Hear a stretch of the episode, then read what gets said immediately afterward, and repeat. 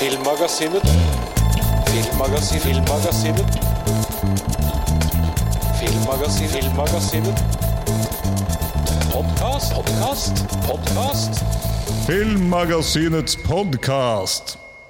Velkommen til Filmmagasinets podkast. Mitt navn er Tor Aaberg. Og i dag så er min medprogramleder, eller co-host, eh, Eirik Bull, ansvarlig redaktør for Filmmagasinet, han er bortreist. Og da kan man finne på mye rart. Vi har planlagt en stund nå å kjøre på med noen kortere episoder som eh, tar for seg ett tema. Og i dag skal temaet være om en film han rett og slett ikke likte. Og målet her i dag da blir egentlig å bevise om han tok grundig feil. Fordi denne filmen likte jeg kjempegodt. Jeg syns det er en av de beste filmene fra i fjor. Og mange, mange med meg er helt enig. Mange elsket denne filmen. 'Everything Everywhere All At Once'. Og som det gamle ordtaket går, når redaktøren er borte, blir det multivers og weird shit. Jeg må også da si at For de som ikke har sett Everything Everywhere All At Once, så blir det nødvendigvis noen heavy spoilers her, så vi skal ikke prøve å avsløre alt om filmen. Vi kommer til å snakke ganske inngående om den. Og i studio i dag så har jeg sneket med meg en eh, synser, en mann med mange meninger, og som liker å prate skit. Mikael Kjellbergvik Tung. Hei, hei. Velkommen i studio. Takk, takk. For de som ikke har sett denne filmen, er det her i stor grad filmen som har alt. Iallfall i mine øyne. Bokstavelig talt. Ja, bokstavelig talt. Det ligger i navnet, strengt tatt. Nå er det jo sånn at Eirik ikke likte denne filmen. Han så den på en filmfestival i Tsjekkia, i Carlo Vary, eh, mens han hadde covid, men allikevel, jeg syns ikke det er en god nok grunn. Jeg tenker at han bare ikke skjønte den filmen. Eh, Og han, jeg vet han er glad i multiversfilmer, eh, i likhet med meg, men vi kan begynne med Mikael. Hvordan vil du beskrive Everything Everywhere All At Once? Det er en komifilm med tilsynelatende komplekst plott, men som egentlig bare går ut i fullstendig galskap. Det er kanskje den minst forutsigbare filmen jeg har sett på veldig lang tid. Men uh, det er jo fabelaktig fra ende til annen. Det det er mye absurditet, og det er en slags blanding av både det er drama, det er komedie, det er kanskje en slags sjangertornado. Den blander og mikser sjangere. Det er litt sci-fi inni der. Det er noe av ville kampsportscener. Det er eksistensiell filosofi. Det er veldig veldig teit og veldig tvilsom humor. Litt sånn underbuksehumor, og det liker jeg godt. Mye sterke følelser, mye familie. Eh, handler mye om familie og sårheten i, i måte, forskjellige relasjoner. Mye kultur òg. Mye kultur, mye referanser til popkultur. Det er veldig, altså Den filmen er, den er så mye, den filmen. Og det ligger jo i navnet, og det er på en måte sånn sett gøy. Filmen er regissert av ikke bare én, men to Danieler. Eh, Det er en fyr som heter Daniel Kwan, og en fyr som heter Daniel Schreinert, som ofte jobber sammen og omtales som The Daniels, eller bare Daniels. Og de har også laget filmen Swiss Army Man. Uh, har du sett den? Film. Ja, det er. Kan du beskrive den litt? Den er en film jeg har lenge hatt på liste over filmer jeg har lyst til å se, for den ser helt sjuk ut. Jeg så den sammen med en kamerat en liten stund etter at den kom ut, og vi ble begge sittende med en sånn Du vet hvordan det var etter Napoleon Dynamite, hvor du ikke helt vet hvorfor du likte den, og noen klarer jo ikke engang si om de likte den i det hele tatt. Vi satt med og egentlig gapte som fisk etter at filmen var ferdig, og prøvde å komme på et eller annet ord som skulle beskrive den. Jeg tror jeg liker den. Det er iallfall en god del morsomme scener i den, men den har jo også en del dramatiske scener. Den har en del øh, kleine scener. Den, har, den er litt, altså, litt av det samme, men i et mye tregere tempo. Da. For nå har jo ikke jeg sett filmen, men premisset for Swiss Army Man er i alle fall, Jeg vet at Radcliffe spiller en død mann, og Paul Dano har hovedrollen. Hva mer kan du fortelle om den? Den starter med at Paul Dano tilsynelatende er stranda på en, en øy. Og en død Daniel Radcliffe skyller opp på stranda. Og Det er annet scener hvor han surfer på Daniel Radcliffe, som fiser i all hastighet bortover vannet. Og det, Dette er en del av traileren. Så Sånn type sånn. likgass, liksom? Nei, fis. Ja, men han er jo død. Han er Swiss Army Man. Han kan gjøre alt. Ok. Ja. Jeg, vil, øh, jeg vil anbefale å se den, og så vil jeg gjerne vite hva du syns om den. Fordi jeg vet ikke. Jeg har sett traileren, og premissen er liksom du kan bruke en død mann til alt. Tilsynelatende så er det det. Dette er en film jeg skal se, merker jeg. Um, Den går litt uh, gjennom en god del forskjellige ting, kan man si. Så disse Daniels har regissert, uh, regissert den, i likhet med da Everything Everywhere All At Once. Og det er jo da veldig mange som har likt denne filmen. Den har en ganske lang skryteliste. Filmen i seg selv ble en stor kommersiell suksess. Den casha inn 107 millioner dollar. Det er ganske mye. Filmen eh, ble nominert for beste film, beste regissør, beste originale manus ved Academy Awards, altså Oscar-utdelingen i fjor. Den har 95% på Rotten Tomatoes. Det er ikke mange filmer som har.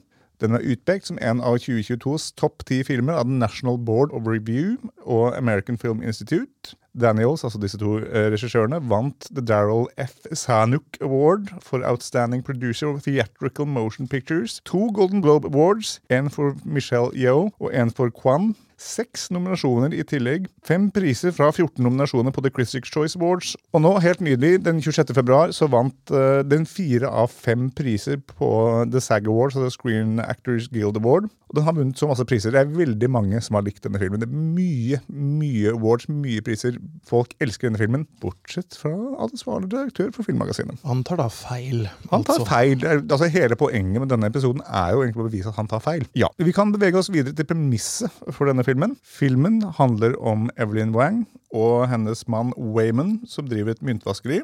De har en datter som heter Joy, og der vi finner disse karakterene i filmen på begynnelsen, så skal vaskeriet få bokettersyn av skattemyndighetene, noe som forårsaker en god del stress. Samtidig, midt oppi dette, så vil Wayman plutselig fortelle Evelyn at han vil skille seg. Det er generelt sett mye stress i familien. Eh, De har fått besøk av Evelyns eh, dømmende far Gong-Gong. Datteren Joy vil eh, gjerne at moren skal akseptere jentekjæresten hennes, Evelyn, men moren sliter litt med å gjøre det, og hun vil ikke fortelle det til faren. Og under møtet med skattemyndighetene så blir plutselig Waymans kropp tatt over av Alpha Wayman, altså en versjon av Wayman fra et annet univers. Og han forteller Evelyn at hun er i stor fare og må begynne å gjøre masse rare ting for å prøve å ikke bli drept av noe som kommer etter henne. Han forklarer at hver gang vi tar et valg i livene våre, så skaper det et forgreinende nytt univers. Hvor konsekvensene av handlingene våre gjør at universet blir litt annerledes. Han forteller at det finnes et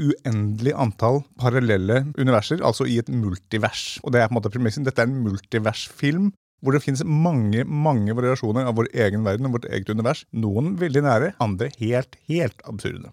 Teknologien de benytter for å hoppe mellom universene, ser veldig ut som en sånn gammeldags 80-talls øretelefon. Og for å aktivisere disse så må man gjøre et eller annet completely weird shit, som f.eks.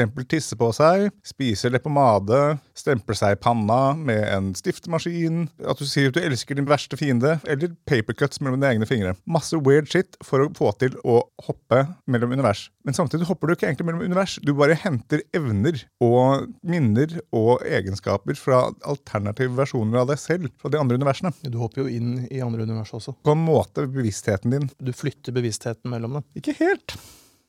Fordi Jeg, jeg vil si det er begge deler, iallfall. Delvis, ja, fordi altså, Veldig bra du på en måte påpeker. Fordi i noen av scenene så plutselig er bevisstheten hennes i de andre universene. Absolutt. Men veldig mye av filmen foregår i på en måte vårt univers, hvor hun henter egenskaper fra andre. Ja, så det vil si at bevisstheten flyttes. Det er sant. Det er både og, egentlig. Ja, Det er litt- det er alt på en gang. Ja, takk for det. Den, den filmen er mye, og den høres kanskje vanskelig ut å holde styr på. Den er ikke egentlig det. Mange multiversfilmer kan fort bli litt mye, men jeg vil ikke si at den gjør det. Eh, Mikael, du er jo sammen med en kemner. Er dette en vanlig dag på jobb for henne, tror du, tenker du? Ja, det vil jeg tro, Ja. egentlig. Eh, Jeg føler at filmen i stor grad er basert på norske skatteetaten. Mhm. Eh, De har nok observert der en dag og fått premisser for hele filmen. Det tror jeg òg. Hvis du skulle hoppe mellom universet med den teknologien, hadde, Mikael, hva ville du gjort? Ville du tissa på deg? Hva ville du gjort? Karaoke. Karaoke? Syns du det er så absurd? For de som kjenner meg, så ville det vært veldig absurd. Mm. Mhm. Kan du se deg for meg eh, Nei, jeg vet at du hater karaoke. Jeg eh, liker det jo. Det er fordi eh, de gangene jeg har prøvd, så har jeg hoppa mellom multiverset. Du har det, ja. Inn i multiverset. Vil det si at du da på mange måter har henta fantastiske sangkunnskaper fra andre univers som på en måte gaula på, eller hva? Nei.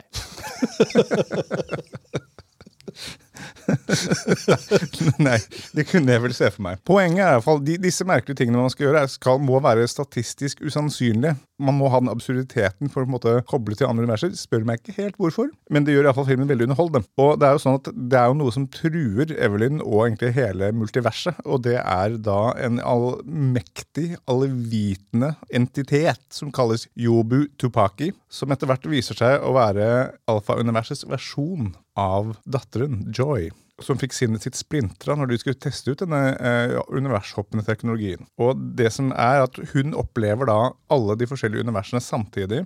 Og hun kan i stor grad forandre på alt, gjøre alt, forandre all materie til andre ting. Og hun har bare ett mål, og det er på en måte å ødelegge alt. Hun har også lagd et slags svart hull, en bagel med alt på. Alt som eksisterer, og den truer med å ødelegge hele universet. Og Evelyn får da etter hvert tilgang på, og kan lære seg hvordan hun bruker denne univershoppingsteknologien, og er nødt til å prøve å forsvare universet, og kjempe mot og samtidig prøve å redde sin egen datter. Det som er interessant med Evelyn i denne filmen, er også at denne Evelyn i det universet vi på en måte ser filmen i, er den mest ubrukelige av alle mulige Evelyns. Er ganske kjedelig, iallfall. Ganske kjedelig, Hun har ganske kjipt liv. Hun har ikke klart å følge drømmene sine. Hun har ikke klart å gjøre noe ut av livet sine. Og derfor så er hun den farligste av dem alle. Fordi hun har så mye untapped potential. Og det er på en måte kort. Det er veldig veldig mye mer denne filmen handler om. Masse mer. Du skulle kanskje tro at jeg beskrevet hele filmen nå. Dette Det var det første kvarteret. første kvarteret. Ja, ikke sant? Ja, altså Alt det her finner du ut fort, men alt det andre altså, Filmen er jo også delt opp i tre deler. Den første delen heter Everything. Den andre delen heter Everywhere. Og så siste del All et Once. Jeg vil si den filmen vanskelig lar seg spoile uansett, for det skjer for mye. Altså, det er jo en film som har alt. Det skjer altså, det er helt vilt mye ting. Ja, altså Om jeg hadde spoila slutten, så hadde jeg fortsatt ikke røpt noen ting med filmen. Fordi jeg føler ikke at poenget på slutten av filmen egentlig konkluderer filmen på noen måte heller. Nei, ikke egentlig. Eller det er iallfall ikke målet med filmen, da. Nei, filmen er en reise i seg selv. Å herregud, ja. Mikael, kunne du prøvd deg på en forklaring av multiversteorien? Eh, jeg tenker at eh, sånn som du forklarte, at eh, ethvert valg man tar, så vil jo det bli et nytt univers. Og med tanke på at noen av de universene er så radikalt annerledes, så har nok dette her pågått siden universets skapelse. da. Og det er derfor du ser at noen univers er så vanvittig forskjellige fra de andre, men at det hele tiden skjer. Nettopp, fordi det er visse universer hvor måte, evolusjonen har tatt en helt annen vei, fordi f.eks. fisk som skulle opp på land, valgte å ta et annet valg. Eller eh, Bevisste stener. bevisste stener. Eller et sted hvor man ender opp hvor alle har pølsefingre. Den kan vi komme litt mer tilbake til. Det er jo mye multivers eh, i eh, Mye snakk om multivers i film og serier for tida. Vi har jo ganske mye Rick and Morty er jo veldig mye basert på multivers. Marvel har jo begynt veldig med det. Marvel har mye av det. så det er Doctor Strange in the Multiverse of Madness. Ja, Spiderman into the Multiverse. Nettopp. His Dark Materials tar, tar fra det. Star Trek har det. En av mine yndlingsserier ever. Fringe. Eh, mye, det er mye multivers. Og ikke sant, det finnes jo da uendelig mange parallelle universer, og da er egentlig alt mulig. Og det er jo Jeg vet f.eks. at Eirik, eh, redaktøren, likte ikke den filmen her. Han likte veldig godt Doctor Strange in the Multiverse of Madness. Den likte ikke jeg. Den likte ikke jeg heller. Den syns jeg var kjempetynn. Det var åpenbart at de lagde den filmen for å bli kvitt en nøkkelperson. Ja, ja, ja, det er ikke min greie. Det her, altså Everything Everywhere All At Once, er den beste multiversfilmen jeg har sett. Den tar absurditeten som er inherent i, i multiversteori, fordi hva som helst kan finnes. Det mest absurde. Og den trekker inn ting som er ikke absurd også. Det, den, det ikke alt må ikke være absurd hele tiden, men det er så mange variasjoner. Jeg synes dette, av alle ting, er kanskje den beste multiversfilmen jeg har sett. God nummer to er den animerte Spiderman-filmen. Mm, Men jeg er helt enig. ikke fått rota meg til å se noen. Det ligger i Den, planene. eh, den anbefaler jeg i veldig stor grad å se. Har du noen andre, vet du om noen andre eksempler på multiverse filmer? Nei, nå dekte du egentlig ganske bra. Um, jeg kommer ikke på noen flere. Det er jo faktisk vitenskapelig teori. Det er jo mange som mener dette her faktisk er tilfellet. At dette eksisterer. Altså Som Stephen Hawking og Brian Green er jo på en måte seriøse forskere som støtter, eller støttet den teorien. Nå er jo Stephen Hawking død. Jeg vil jo mene at det sannsynligvis ikke ville sett sånn ut som de presenterer den filmen her, da. Dette er i aller høyeste grad menneskelige påfunn. Ja, ja, klart. Hvem vet hvordan et faktisk multivers hvordan de ville vært. Kanskje like morsomt. Føler vi at vi har covret multiverset nok? Ja. Men hva er det som gjør denne filmen så bra? For det første så tar jo denne filmen her deg absolutt på senga. Den Absolutt. er fullstendig uforutsigbar, og den har så mange morsomme scener at jeg har ikke ord. Det er Eh, mye humor. Veldig morsom. Vi Absolutt. lo veldig mye i kinoen. Ja, ja, samme her. I tillegg så klarer den på en eller annen ufattelig måte å holde en rød tråd gjennom all den absurditeten som pågår òg. Mm. Jeg vil jo si, ja, det er noen alvorlige scener og sånne ting, men det, det er litt overskygga av at det er en absurd og morsom film hele veien gjennom. Det Filmen er jo på en måte en løk. Den har mange lag. Jeg syns også det er veldig godt skuespill i den. Altså, Michelle Yeoh er jo utrolig dyktig. Eh, hun spiller rollen veldig godt. Mm. Eh, hun, altså, hun er jo 59 nå, hun holder jo på å pike. Eh, vil jeg absolutt si. Jeg har også sett henne i andre ting. Hun jo, hun har vært med sånn Crouching Tiger, Hidden Dragon, gammel film. Hun har vært mye mye kampsportfilm. Eh, Crazy Rich Asians. Hun har spilt i eh, Star Trek Discovery. Eh, hun er en utrolig dyktig skuespiller, og jeg syns hun virkelig, virkelig klarer å vise mange lag i denne filmen her. Bare spot on skuespill. Samme gjelder jo han Ki Hui Kwan, som spiller Wayman. Et morsom liten fun fact er at han er, eh, for de som så gode gamle Indiana Jones, eh, så er han short round. Som var med i den filmen. Jeg lurer på om det var, kanskje var Temple of Doom? altså. Nei, det er Temple of Doom. Det er Temple of Doom. Ja. Dette er den første rollen hans omtrent siden da. Det er den 18-20 år siden han faktisk har hatt en rolle før. Og han spiller også utmerket. Så har du jo faren som spilte i Big Trouble in Little China. Ja, James Hong han spiller også utmerket rolle i rollen som den grinete, vanskelige gamle faren Gong Gong. Og så har vi Stephanie Shu, som spiller Joy. Også, altså Skuespillprestasjonen i denne filmen her, og måte alle karakterene, utmerket. Og vi har også Jamie Lee Curtis som skattefut, eller IRS-agent. IRS-agent. Utmerket rolle. På en måte vi aldri har sett henne før. Hun minner meg om politibetjenten i No Country for All Men, på en måte. Ja, Litt sånn den personen. ja gammel og innbitt, men er ikke nødvendigvis gammel, men liksom, ting skal være på stell. ja, ja, ryddig. Ryddig. Ja, um, En annen ting er på en måte Jeg elsker jo det absurde, det vet jeg du også gjør, Mikael. Altså, Alle de merkelige universene og, og de popkulturelle referansene, sånn som filmen Ratatouille, hvor de har en egen versjon, og det er Raccacoonie isteden med en vaskebjørn. Den er ganske fet. Fantastisk. Dette universet hvor de har pølsefingre, Jeg trodde ikke det skulle funke så bra som de gjorde i den filmen der. og den sensuelle dansen de gjør med dem. Det er ikke mulig. I tillegg til kjærlighetsplottet mellom eh, Michelle og Jamie Lee Curtis med pølsefingre er eh, Så mange ting. utrolig bra skrevet. Og det er jo mye eh, eksistensialistisk filosofi i det her, og I form av bevisste stener. ja, man har det, og det er liksom Selvbevisste stener, vil jeg kanskje si. Selvbevisste stener, ja. Og, og for de som har sett uh, den gamle anime-serien Neon Genesis Evangelion fra 80-tallet, så er det mye av den samme på en måte, utforskingen av hva er det som gjør oss til de vi er, hvordan rel- relasjonen til andre mennesker, sårheten i relasjonen til andre mennesker, hvordan mor og datter kan såre hverandre, hvordan traumer kan overføres fra en generasjon til en annen, og mange såre mulige relasjoner i filmen. da. Samtidig vil jeg si at den er vesentlig mye lettere å forstå enn Neon Genesis. Ja, ja Neon Genesis tar jo av. De ble jo, På slutten av Neon Genesis så var det jo sånn at den siste episoden var så absurd og Det er blitt skrevet bøker om det her, sant? ja, og, og den var så abstrakt at folk ble pissed off og sendte drapshuser for at de kunne ikke slutte på den måten. Jeg skjønte ingenting. Eh, jeg syns også ja, historiefortellingen er ganske unik. eh, tidvis sår. Mye metafysikk. Mm. Den tar jo opp også nihilisme. Hvordan vi kan måte bli overvelda av hverdagen og måte behandle hverandre dårlig. Eh, man kan få lyst til å gi opp. Se på hverdagen og livet som meningsløst.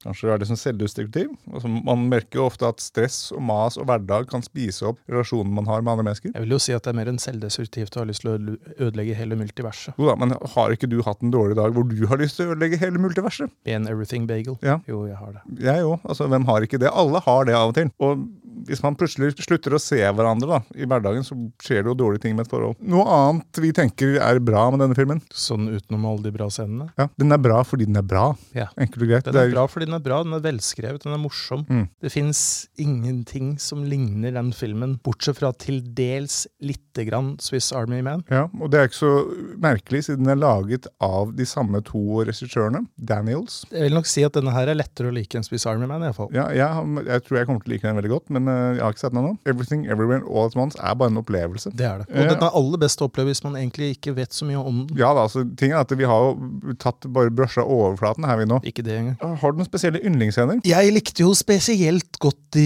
eh, hva skal vi si, kvasifilosofiske eh, to steinene som sitter der eh, og ser utover horisonten. Mm. De har jo selvfølgelig et univers hvor du har bevisste stener som sitter og prater, eller Ja. tenker til hverandre, virker det som. Det er stille, du hører ingenting. De tenker til hverandre. Ja. Og det er et univers hvor rett og slett forholdene på jorda ikke la til rette for at menneskene skulle utvikle seg. Så det er, det er ikke noe liv på den planeten. Det er, bare steiner. Ufattelig bra skuespillerprestasjoner i de scenene der, egentlig. Du føler at Michelle Yeoh og dattera rett og slett uttrykker essensen av stein. Ja. Fint. Utover det så er det jo de vanlige scenene som folk sikkert vil trekke fram, med de pølsefingrene, for der er det jo et helt subplott mellom, eh, som jeg nevnte, Jamie Lee Curtis og Michelle eh, Yeoh, Ja. som er fabelaktig. Og jeg har også én yndlingsscene for min del. Og det er der min, min eh, kjære ansvarlige redaktør og jeg skiller eh, veier på hva vi syns. eh, Han er ikke noe glad i det. Jeg syns det er den beste scenen i filmen. Kampscenene i filmen er jo jævlig bra. Un utmerket koreografert. Unikt koreografert. nå. Unikt, ja. Og det er, liksom, det er, det er en kampscene hvor uh, Wayman bruker en liksom, god gammeldags rumpetaske.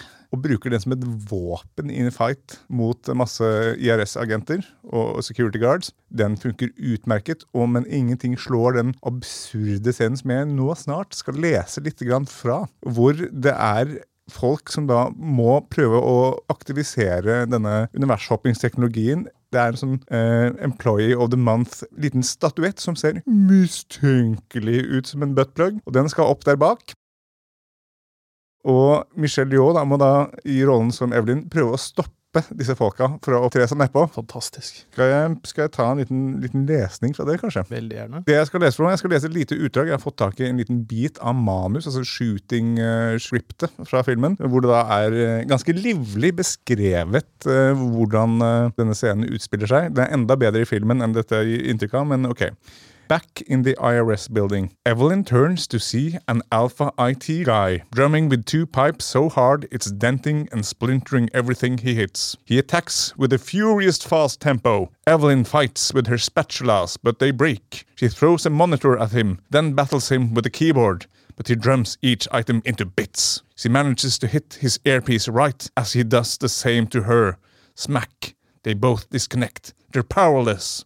Evelyn looks into an adjacent cubicle and spots an Auditor of the Month trophy. For the first time, we realize how much it looks like a butt plug. Zip! The IT guy has undone his pants. He pulls aside his underwear and leaps for the trophy. He's going to use the butt plug trophy as a jumping pad. Evelyn kicks away the trophy just in time. They fight over the trophy, grappling each other onto the ground as the trophy tumbles across the floor. Footsteps, a scream. An alpha security guard comes flying over both their heads with no pants, hands on his ankles. His butt lands on the trophy. Oh no! His earpiece clinks green. Evelyn has to think fast. She blows on her IT guy's nose, making an involuntary trumpet sound. Green! She stands up to face the alpha security guard. He attacks with a furious series of Shaolin style moves. She battles him until she hears another scream. She turns, and the IT guy now has an even bigger trophy protruding from his butt. Auditor of the Year! They furiously attack. She cannot keep up, but she manages to pull out their butt props and violently knocks them both unconscious.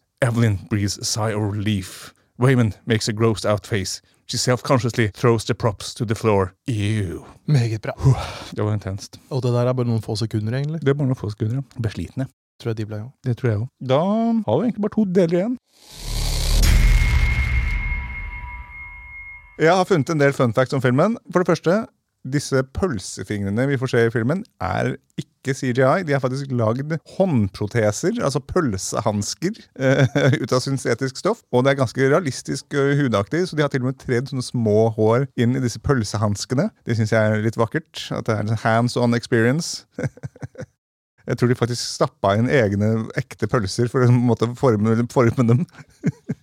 I tillegg så vet jeg at det er en eh, auksjon eh, med de inkludert i pølsefingrene man kan by på. hvor Pengene går til eh, veldedige formål. Og det inkluderer også buttpluggen, uh, i tillegg til Rakakuni. Uh, er mye her man kan ønske seg til jul, altså. Ja, fett. Ja, mange filmer har jo forskjellige typer arbeidstitler underveis. Veldig ofte så får jo filmene sin endelige tittel helt til slutt. Denne filmen, altså Everything Everywhere All At Once, het underveis A Woman Tries To Do Her Taxes.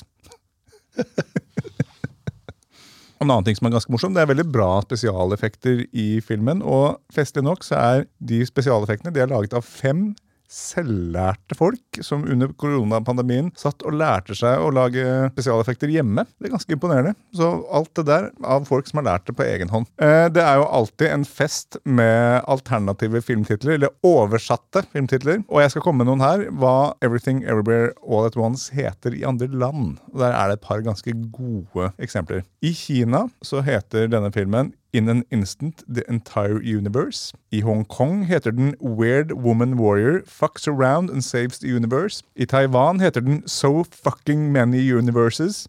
Men det er alternative tolkninger også, som Your Mother's Many Universes. Og den taglinen de har lagt inn i den taiwanesiske versjonen, er også Even More Marvel Than Marvel. Jeg syns alle disse titlene her er egentlig nesten var bedre enn den de. Nesten. Hva burde den hete på norsk? Burde den hete Alt overalt på en gang? Eller, jeg holder en liten knapp på i et multivers der ingen skulle tro at noen kunne bo. Pandemien utsatte filmingen av denne filmen med, hold dere fast, én dag. Og inspirasjonen for filmen inkluderer eh, andre filmer som The Matrix, Kill Bill, It's a Wonderful Life og hele Michelle Yeohs eh, filmografi. Og også arbeidet til Jackie Chan, som originalt tidlig i prosessen var egentlig ment til å spille hovedrollen før de forhandla det og gjorde det til en kvinne, og fikk inn Michelle Yeoh. Da har vi nesten kommet til veis ende. Er det noen andre ting du vil si, Mikael, for å på en måte understreke hvor feil vår eh, ansvarlige redaktør eh, tar når det gjelder denne filmen? Nei, ikke utenom det at rumpehumor er fantastisk bra tilskudd i denne filmen. Ja, Han er vel ikke så glad i det. Det er du og jeg. Det høres sikkert bra ut når jeg sier det på den måten. Nei, men vi er nok det. Vi er nok det. Nei, den er bare anbefalt å se. Jeg Ja. kan ikke si så mye mer enn det. Vi har så vidt dekt et fnugg av alt som skjer i denne filmen. her, egentlig. Ja, Den er jo vel nesten to timer lang. Er den beste filmen jeg kan komme på. Eh, Den er bare så mye. Den er, den, det er mye følelser, altså mye latter. Mye, det er også på en måte medfølelse, empati. Fantastiske kampscener. altså Noen av de bedre kampscenene jeg har sett. Og jeg har sett en god del. Så vil jeg si at det skjer mye i filmen, men ikke så mye at det er slitsomt. Nei. Men så husker jeg også at da jeg så den, så titta jeg tilfeldigvis på klokka mens vi var på kino. Jeg vet det er utilgivelig, men Mm. sånn er det. Og da ble jeg helt satt ut at det bare hadde gått 45 minutter da jeg Mm. så på klokka. For det føltes som om det allerede hadde vært veldig mye film. Og da var det bare å glede seg til enda mer film. Det er fint. Det er så mye. Det er så mye. Det er så mye. Se den hvis du ikke har sett den. Men uh, i så fall så syns jeg synd på det, for da har han fått heavy spoilers. Men ikke så heavy. Fins mer. Se den hvis du ikke har sett den, og hvis ikke, så Så se den likevel. I forrige uke så var jeg innom Oslo Filmfestival. Det er en årlig festival hvor de viser kortfilmer og indieproduksjoner. På festivalen fikk vi se et utvalg forskjellige kortfilmer eh, av forskjellig art. Det var både noen som var animert, noen var mer eksperimentelle, noen var litt mer som en dokumentar, det var musikkvideoer, noe hadde humor, noe hadde action. Det var mye forskjellig og har veldig høyt nivå. Jeg vil anbefale alle som liker kortfilm og film og indie, å sjekke det ut neste år. De har bare da vært gjennom en lang utvelgelsesprosess og plukka ut det beste av det beste. Arrangørene var veldig hyggelige, og jeg vil anbefale alle å følge dem på Instagram og eventuelt Facebook med at Oslo Filmfest. Det var vel egentlig det for i dag. Eh, For folk som ikke har sett Everything Everywhere All At Once, så vil jeg anbefale folk å gjøre det. Tusen takk for at du ble med i dag, Mikael, og var med å diskutere film. selv takk. Det var kjempekoselig. Takk for at dere hørte på. Snakkes! Følg oss på Facebook. Der heter vi Filmmagasinet. Filmmagasinet.no på Instagram, og på Twitter er det at Filmmagasinet. Med oss i studio har vi Lilla Lyd, som styrer lyd og teknikk. Introvinetten er laget av Francesco Hygen Pudo. Tusen takk til Bauer Media for godt samarbeid og utlån av studio. Ansvarlig redaktør for Filmmagasinet er Eirik Bull, og mitt navn er Tor Aaberg.